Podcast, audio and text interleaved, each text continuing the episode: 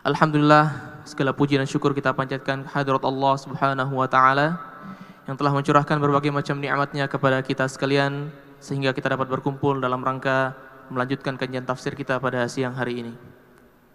Salat beserta salam semoga senantiasa tercurah kepada baginda Nabi besar Muhammad sallallahu alaihi wasallam. Semoga kelak kita tergolong umatnya yang mendapatkan syafaat beliau di yaumil akhir. Amin amin ya rabbal alamin.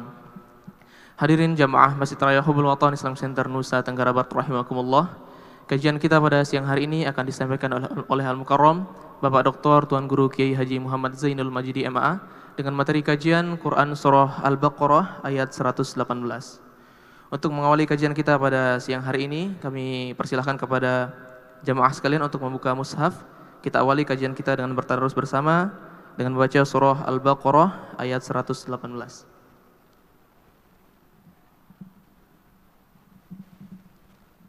Diikuti. أعوذ بالله من الشيطان الرجيم. أعوذ بالله من الشيطان الرجيم.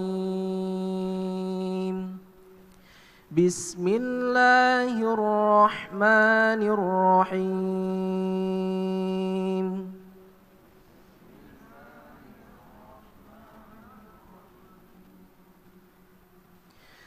وقال الذين لا يعلمون لولا يكلمنا الله أو تأتينا آية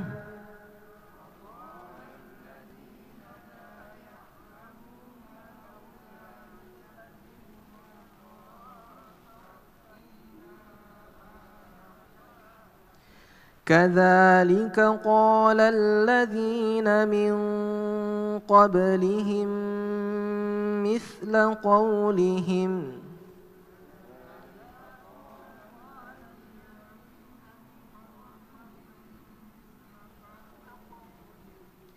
تشابهت قلوبهم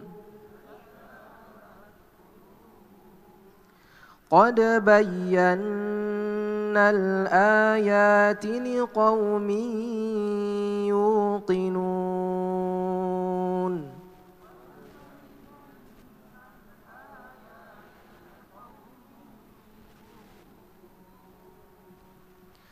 إنا أرسلناك بالحق بشيرا ونذيرا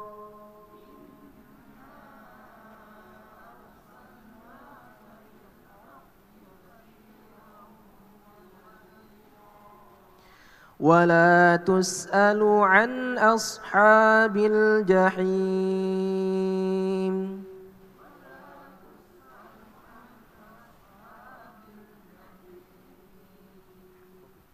صدق الله العظيم.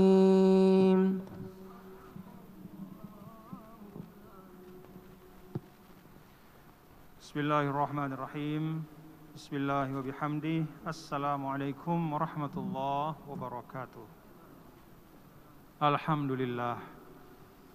Wassalatu wassalamu ala sayyidina Rasulillah Muhammad ibn Abdullah wa ala alihi wa sahbihi wa man tabi'ahu huda ila yaumil qiyamah amma ba'd.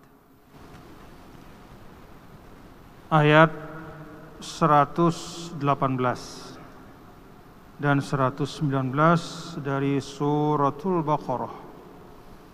Alhamdulillah. Artinya sudah 117 ayat yang kita baca bersama.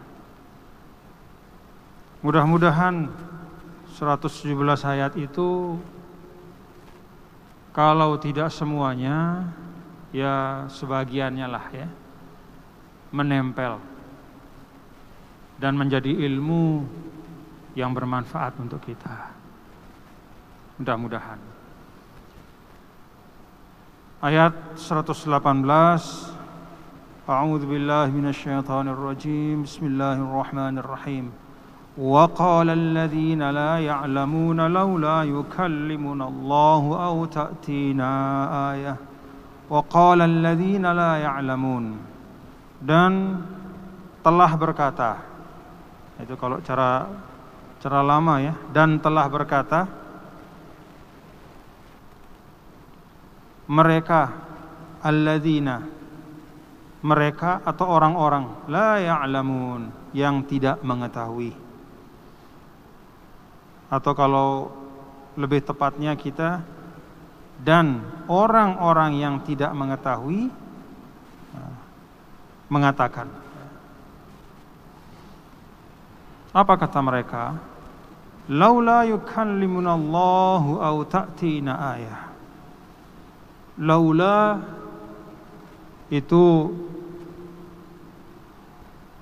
kalau bahasa kita kalau saja ya. kalau saja. Atau mengapa tidak? Gitu. laula yukallimunallah mengapa tidak Allah Subhanahu wa taala bicara sama kita maksudnya bicara adalah memberitahu kebenaran Nabi. Jadi mereka mengatakan, kenapa tidak Allah langsung beritahu kita ya, dengan cara yang terserah Allah mau seperti apa, bahwa Nabi Muhammad SAW ini benar-benar Nabi.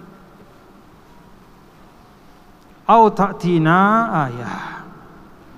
Atau kalau tidak seperti itu, alternatifnya supaya kami beriman itu adalah taktina ayah. Datang kepada kami ayah, yaitu suatu bukti yang tidak terbantahkan. Nah kalau kita lihat sepintas, ya, ini seakan-akan masuk akal. Seakan-akan masuk akal. Tetapi Allah Subhanahu wa taala mengingatkan kita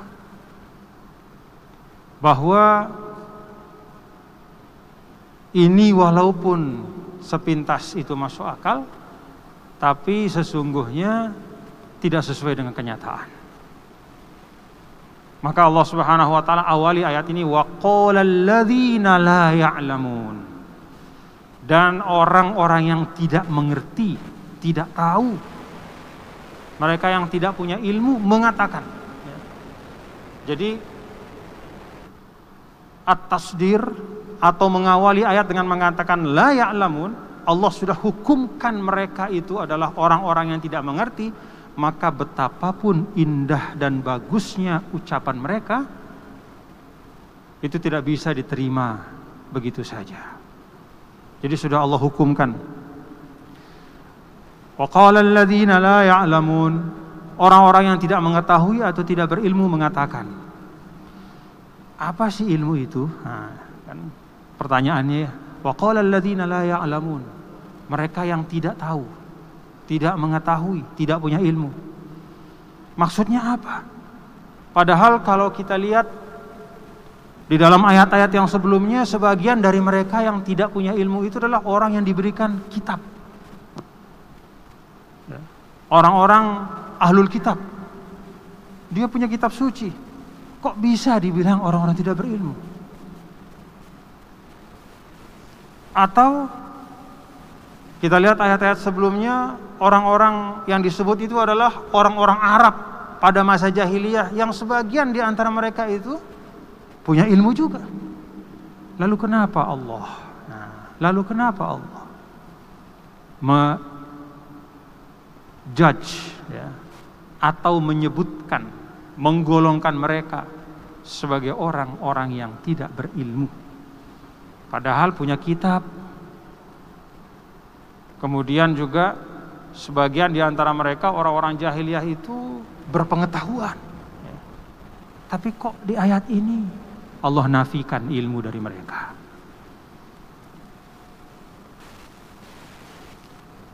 Bapak-bapak, saudara sekalian, kalau di kita belajar dulu bahasa Arab ya. Kalau tidak salah yang namanya al-ilmu adalah idrakus syai' ala haqiqatihi. Mengetahui sesuatu sesuai dengan keadaannya. Jadi ada dua hal di situ. ya. Tidak sekedar mengetahui, artinya punya informasi, tapi harus ala haqiqatihi. Yaitu sesuai dengan kenyataan.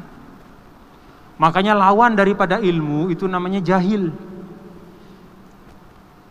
Dan yang namanya jahil itu bukan hanya orang tidak punya pengetahuan, tapi juga ada orang yang punya pengetahuan tapi tidak sesuai pengetahuan itu dengan kenyataannya.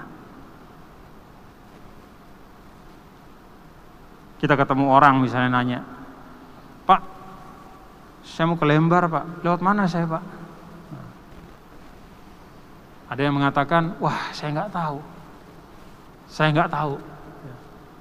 Ya itu namanya jahil. Ya. Memang dia tidak tahu. Ada yang mengatakan, oh kelembar itu bapak dari sini Islamic Center terus ke timur sana terus. Begitu sampai Labuan Lombok nyebrang.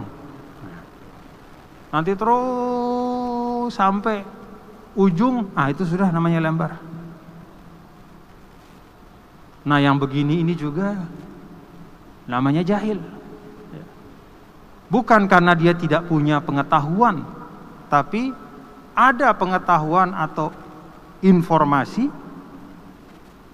ya, tetapi tidak sesuai dengan kenyataan. Yang pertama itu tadi itu kalau yang betul-betul tidak tahu sama sekali, ibaratnya blank, ya, itu namanya apa? Jahlun basit. Ya. Memang nggak tahu, itu gampang urusannya, tinggal diberitahu aja gampang. Jadi kalau orang betul-betul tidak tahu ya tinggal diberitahu. Biasanya dia kalau masih ada hati dia dia ikut. Itu lebih gampang. Yang kedua itu namanya jahlun murakkab. Nah, dia dia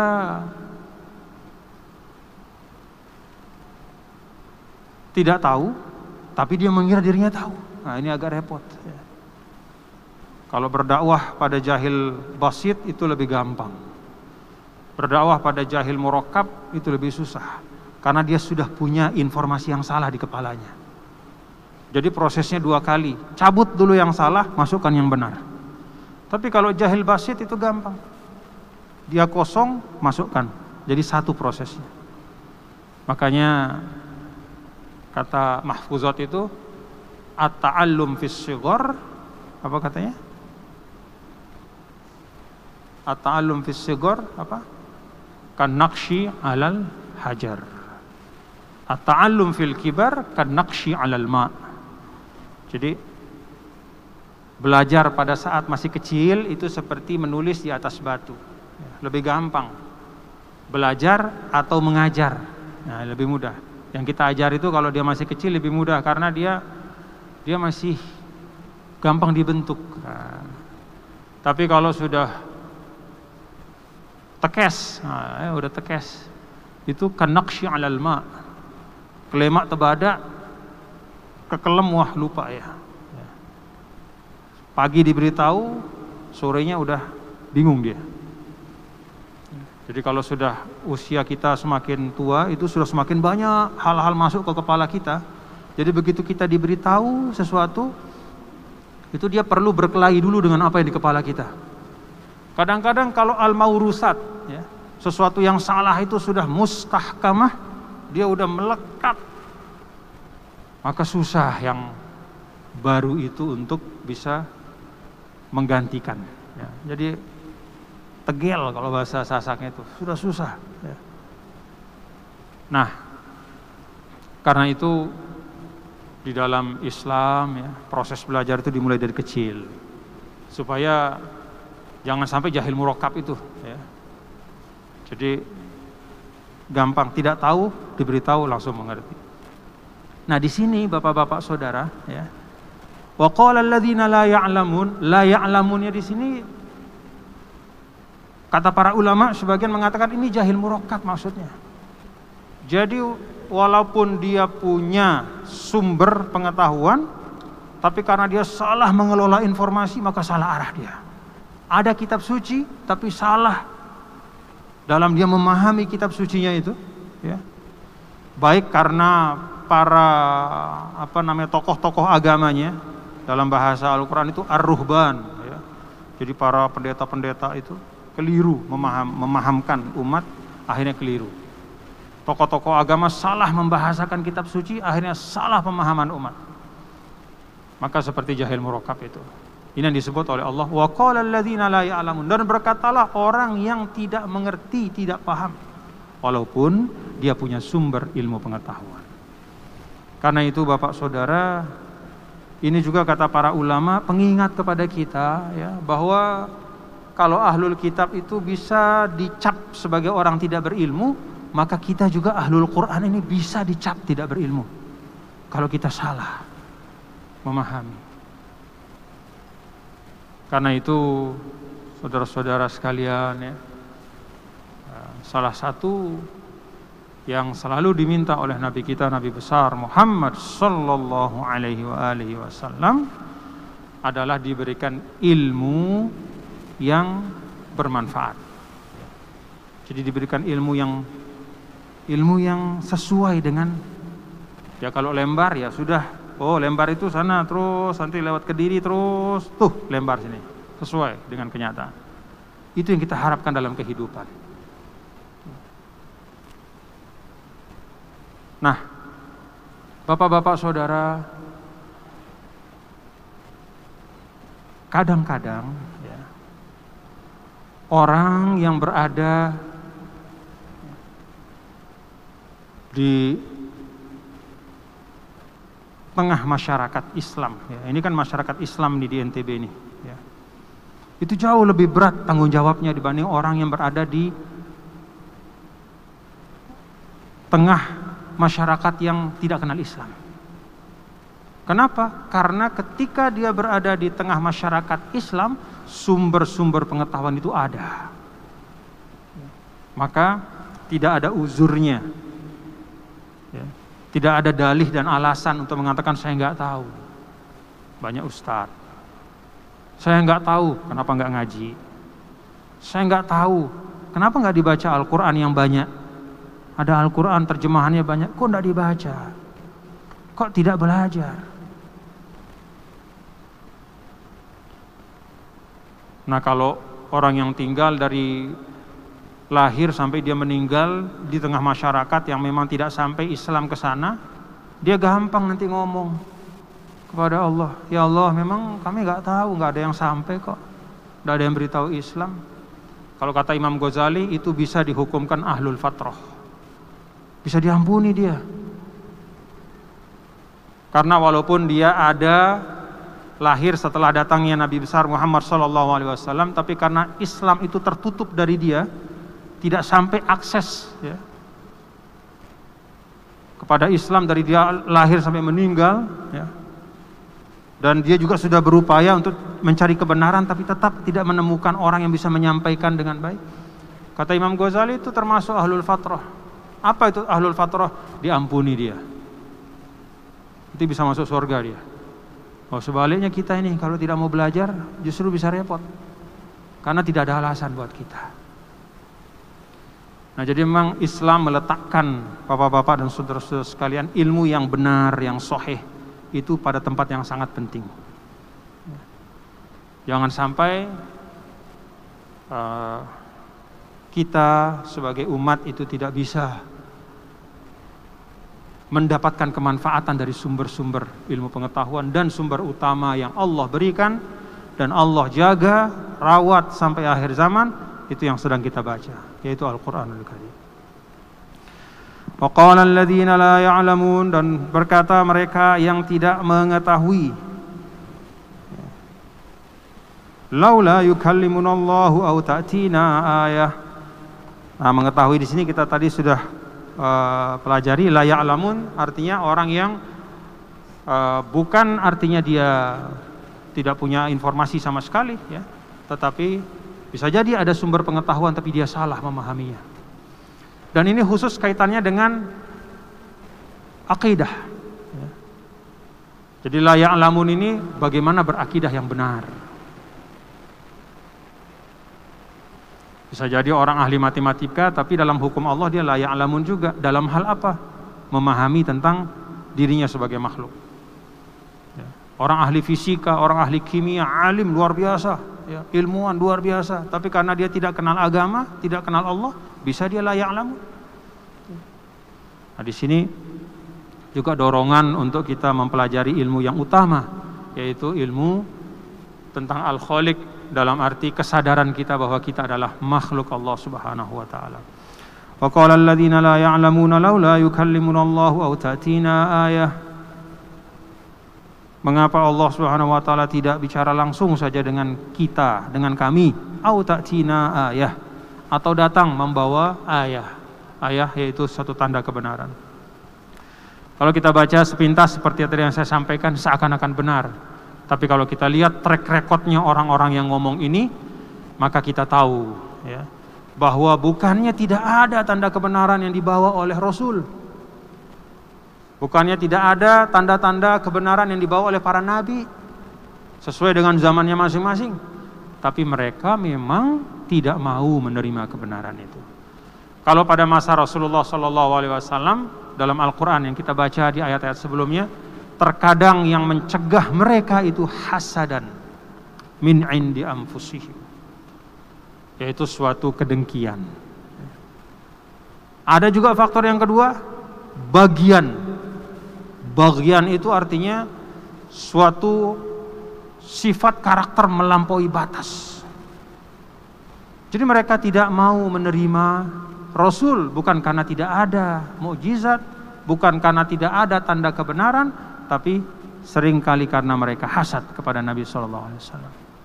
Kita sudah baca di ayat-ayat sebelumnya, dia kan kelompoknya Bani Hashim, sedangkan kita ini bukan Bani Hashim.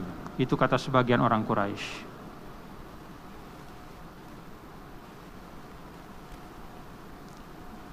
Dia orang Arab, bukan orang Yahudi, kata orang Yahudi.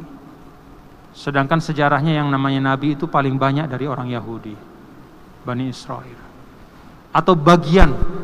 Bagian itu artinya kalau hasad kedengkian. Kalau bagian itu suatu kebencian, permusuhan dan kezoliman. Artinya apa Bapak Ibu Saudara sekalian? Sebagian orang tidak mau mengikuti kebenaran karena dia takut kebenaran itu akan mengganggu kepentingannya.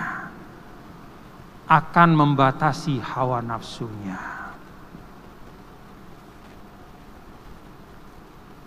Dulu ada guru saya namanya almarhum almaghfurlah Syekh Ibrahim Al-Battawi. Ya, beliau seorang mursyid Al-Battawiyah Asyadiliyah. Jadi kami dulu bertarekat setiap malam Jumat di Kairo Syadiliyah. Beliau itu mursyid. Tapi istimewa karena latar belakangnya adalah profesor filsafat. Jadi kalau tidak salah dia doktornya itu di Sorbonne di Paris, doktor di Al Azhar terus ke mana-mana. Bahasa kalau bahasa Arab ya jelas lah ya. Bahasa Inggrisnya bahasa Perancisnya. Jadi yang bertarekat sama kita itu ada dari Amerika dari Australia dari India anak-anak muda. Ada yang lulusan Harvard, macam-macam bertarekat. Kata beliau apa? Setelah saya berdakwah di Amerika, di Eropa, kata beliau, saya diundang. Terakhir saya ke dia cerita ke Santa Fe apa namanya waktu itu. Saya ingat betul Santa Fe. Itu nama agak aneh jadi saya ingat. Dakwah sekian puluh tahun. Salah satu kesimpulan saya adalah kalau saja Islam membolehkan minum minuman keras dan berzina, mereka semua akan semua masuk Islam. Tapi karena Islam melarang, sedangkan mereka sudah terbiasa, ya. bukan semuanya, ya, tapi sebagiannya terbiasa tumbuh dalam lingkungan yang permisif dan hedonis, ya. artinya meluapkan hawa nafsu dengan bebas minum-minum semaunya. Lihat perempuan kenal hari ini, pagi kenal, malam sudah campur, biasa. Tidak semuanya, tapi biasa itu anak-anak muda. Nah, sudah terlalu memperturutkan hawa nafsu, maka ketika Islam datang dengan semua keindahan ajarannya, dia berat. Dia bukan hasad kepada Islam tidak, tapi bagian. Bagian itu artinya ada yang melampaui, hawa nafsunya itu melampaui, dia tidak bisa kendalikan, ya, sudah menjadi kebiasaan sehingga yang berbeda dengan itu dia tolak. Semua sisi Islam dia akui. Bagaimana Islam? Kata guru saya ini, kalau saya berdialog dengan mereka, semua mereka mengakui bagaimana Islam itu merubah bangsa Arab dari yang barbar menjadi orang terhormat. Bagaimana jazirah Arab yang penuh dengan kejahilan menjadi pemimpin dunia. Bagaimana menjadi transmisi apa me, me, menyampaikan ilmu pengetahuan. Kalau tidak ada peradaban Islam, maka bangsa-bangsa Eropa itu tidak akan bisa mengetahui peradaban Yunani. Ya. Kita tahu peradaban Eropa sekarang itu, kebangkitan Eropa itu, kan dari sisi filsafatnya mereka ambil Yunani, dari sisi hukumnya mereka ambil Romawi, dari sisi etikanya mereka ambil Kristen Protestan itu. Nah, filsafat Yunani itu tidak akan sampai ke orang-orang Eropa sekarang kalau tidak ada ulama-ulama, ahli-ahli filsafat Islam dulu. Mereka mengakui semuanya. Bagaimana, wah semuanya lah. Bagaimana menghapuskan perbudakan, bagaimana segala macam lah akhlak-akhlak yang mulia. Tapi, ya, tapi ketika sudah sampai pada titik beberapa syariat, ya, khususnya kata beliau ini dua hal. Minum minuman keras dan berzina. Nah, di situ mentok. Artinya ya tidak sanggup dia. Kalau daripada saya disuruh ninggalin dua ini ya nanti dulu lah kira-kira kayak begitu. Nah, kira-kira kayak begitu. Nah ini tentu uh, juga apa menjadi pelajaran bagi kita ya bahwa membangun nilai-nilai dari kecil anak-anak itu ya, dengan akhlak yang baik, dengan nilai-nilai keislaman, itu penting sekali.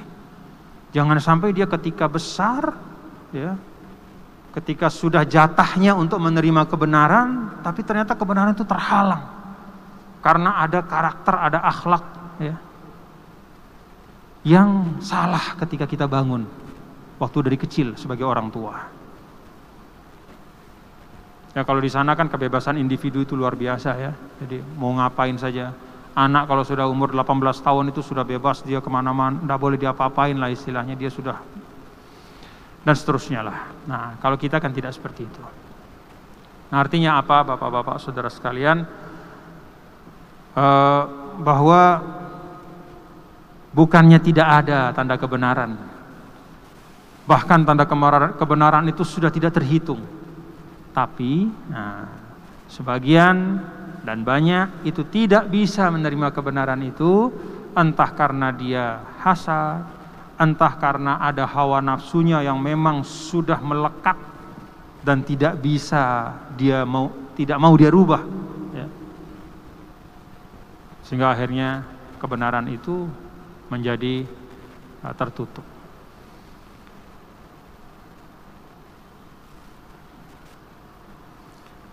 Kadzalika qala alladziina min qablihim misla qawlihim. Demikian pula ya.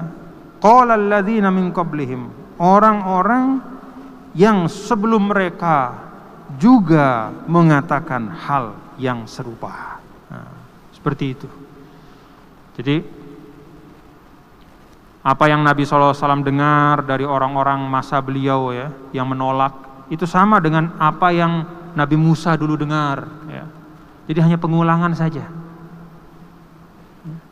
Pada Nabi pada masa Nabi Musa juga seperti itu. Ya. Pada masa Nabi Musa juga seperti itu. Sebelumnya juga seperti itu. Ya. Jadi tasyabahat kulubuhum. Ya. Hati mereka itu serupa. Ya. Mirip Ya maksudnya bukan hati ya, kalau hati dalam arti organ tubuh itu ya sama semua, tapi maksudnya adalah sifat, karakter, ya, cara berpikir itu mereka sama. Maka uh, penting Bapak-bapak dan saudara-saudara sekalian ya, kita memfasilitasi generasi muda kita supaya bisa mudah menerima kebenaran. Itu kerja kita nih sekarang. Jadi kalau saya punya anak, ya tugas saya memfasilitasi anak saya supaya dia bisa sampai kepada kebenaran dengan baik. Guru-gurunya kita pilihkan, sumber-sumber pembelajarannya kita dekatkan, akhlaknya kita bangun dengan baik. Itu tugas kita.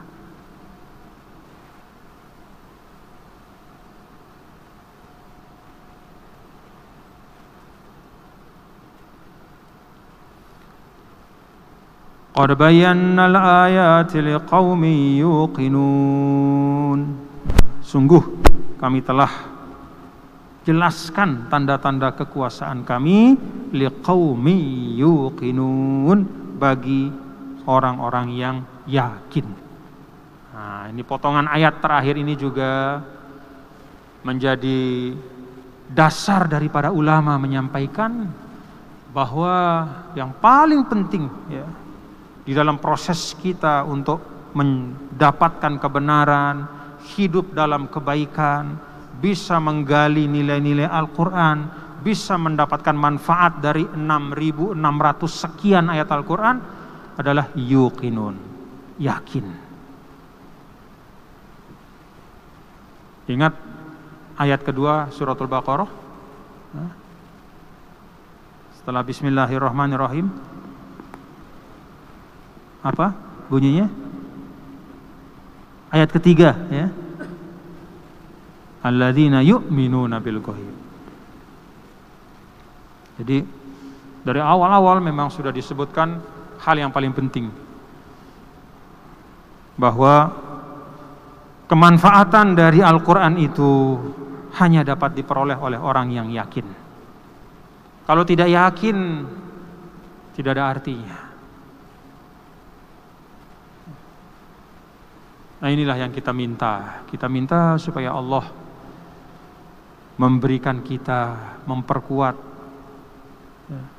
Kata para ulama, kenapa sih kok kita sudah Islam tapi masih saja minta 17 kali sehari semalam, ya Allah tunjukilah kami jalan yang lurus. Emangnya kita masih bengkok ini? Apa kata ulama? Yang dimaksudkan dengan as-siratul mustaqim as-sabat kekokohan, ditambah keyakinan. Iya, kita sekarang muslim. Tapi tanpa keyakinan, tanpa kekokohan, tidak ada yang bisa menjamin kita husnul khotimah. Betapa banyaknya cerita ya. Sebagaimana ada orang yang benci sama Islam tiba-tiba masuk Islam, ada juga orang yang baik anak ulama juga ada baca saya kita baca ceritanya ya ada ulama besar di Indonesia, ada anaknya jadi tokoh Kristen juga. Almarhum ulama besar, ya, ulama besar. Ada. Jadi ihdinas siratal mustaqim nas'alullah as-sabat supaya dikokohkan, dimantapkan. Jadi keyakinan kita itu diperkuat terus. Ilmu yakin, ainul yakin, hakul yakin. Ilmu yakin, pengetahuan yang tidak ada keraguan. Bapak-bapak, yakin ada Mekah enggak? Yakin ada Mekah enggak? Semuanya sudah pergi ke Mekah? Nah, tidak. Tapi kita yakin karena diberitakan, diberitahu oleh orang-orang yang jumlahnya sangat banyak yang mustahil untuk berbohong semua. Lalu dari ilmu yakin itu sebagian di antara kita ditakdirkan bisa pergi ke Mekah. Kemudian begitu apa? Begitu katakanlah di Jeddah lihat di bawah oh itu Mekah nah, jadi ilmu yakin jadi ainul yakin uh, dari dari jadi ainul yakin ya bisa lihat pakai mata Lalu kemudian mendarat di Jeddah, pergi umroh, injak kota Mekah. Nah itu dia namanya hakul yakin.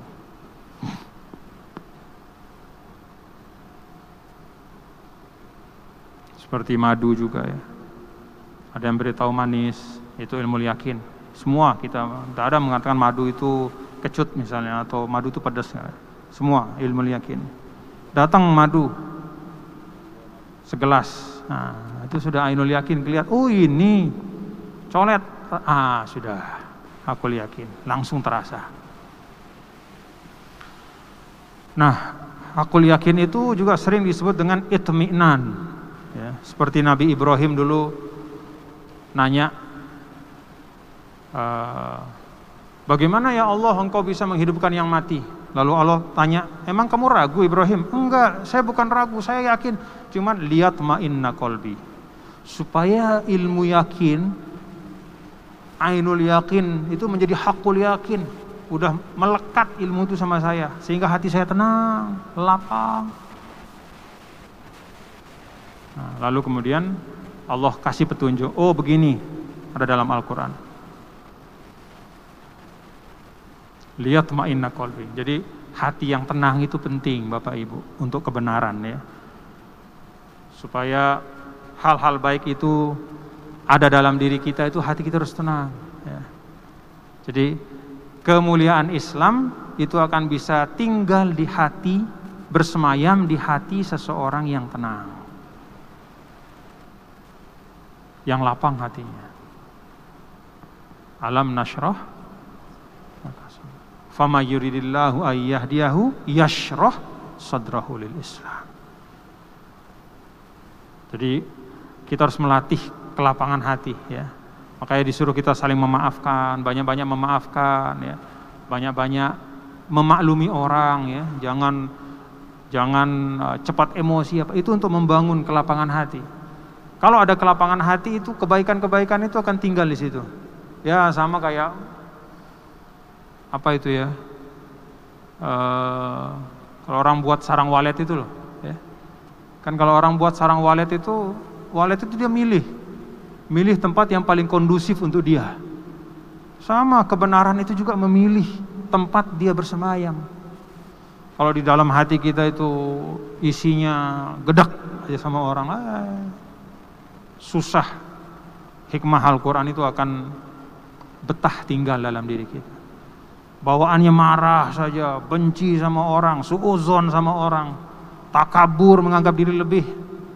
Jangan harap ya. hidayah Al-Quran itu akan betah. Kebenaran itu menginginkan rumah yang nyaman. Dan rumah yang nyaman itu ada pada hati yang tenang. Ya ya Tuhan nafsul mutmainnah. Itu juga yang akan dipanggil oleh Allah nanti. Dan dipersilahkan masuk ke dalam syurga. Amin ya rabbal alamin. Inna arsalnaka bil haqqi basyiran wa nadhira wa la tus'alu an ashabil jahim. Sadaqallahul azim. Kita akan bahas insyaallah di kesempatan yang akan datang. Walaupun satu ayat tapi mudah-mudahan apa yang kita kaji pada hari ini ada berkah, ada kebaikannya untuk kita semua. Terima kasih. Terakhir saya pesan tetap jaga protokol kesehatan ya. ya ini ikhtiar kita. Kenapa saya peduli ya. Bapak Ibu, saudara sekalian, semua cobaan pasti akan berlalu. Semua wabah pasti akan selesai. Tidak ada wabah yang sampai akhir pasti ada selesai. Pertanyaannya, ketika wabah itu selesai, bagaimana keadaan kita sebagai umat? Ini yang kita ikhtiarkan supaya ketika wabah ini selesai, kita tidak hancur lebur sebagai umat. Artinya, jangan terlalu banyak nyawa yang hilang. Jangan terlalu banyak yang sakit. Kan Islam mengajarkan umat yang kuat itu lebih dicintai oleh Allah. Tugas-tugas keumatan hanya bisa dilakukan oleh umat yang sehat. Jadi pasti akan berlalu corona ini. Tapi kalau kita tidak berikhtiar dengan baik sekarang, ketika dia berlalu kita hancur lebur. Hancur lebur dalam arti uh, dampak kerugian, kehancurannya luar biasa. Kita tidak mau seperti itu.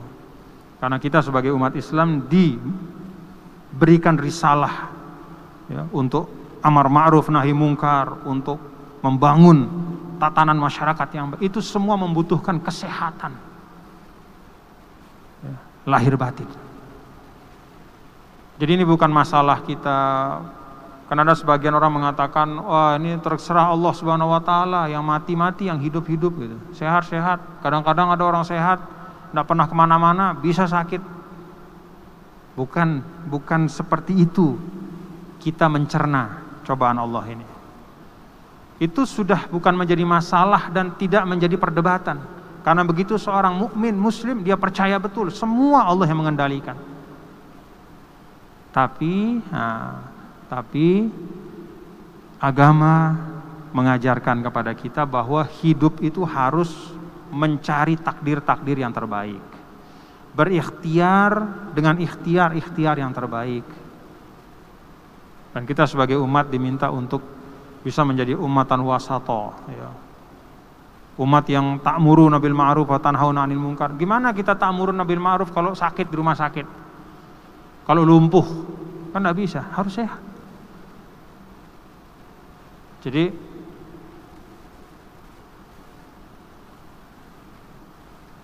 apa? Uh, kalau suatu tujuan itu hukumnya wajib, maka wasilahnya pun hukumnya wajib. Kita wajib untuk menegakkan amar ma'ruf nahi mungkar, ya, menjadi umat yang kuat, maka wasilah untuk itu juga hukumnya wajib. Masa yang sekarang ini wasilahnya apa? Jaga diri. Tidak usah gagah-gagahan. Apalagi sombong. Allah paling tidak suka orang yang sombong. Sombong sama penyakit paling cepat nanti. Kata Allah dalam Tabarok ya, afa aminu makrallah.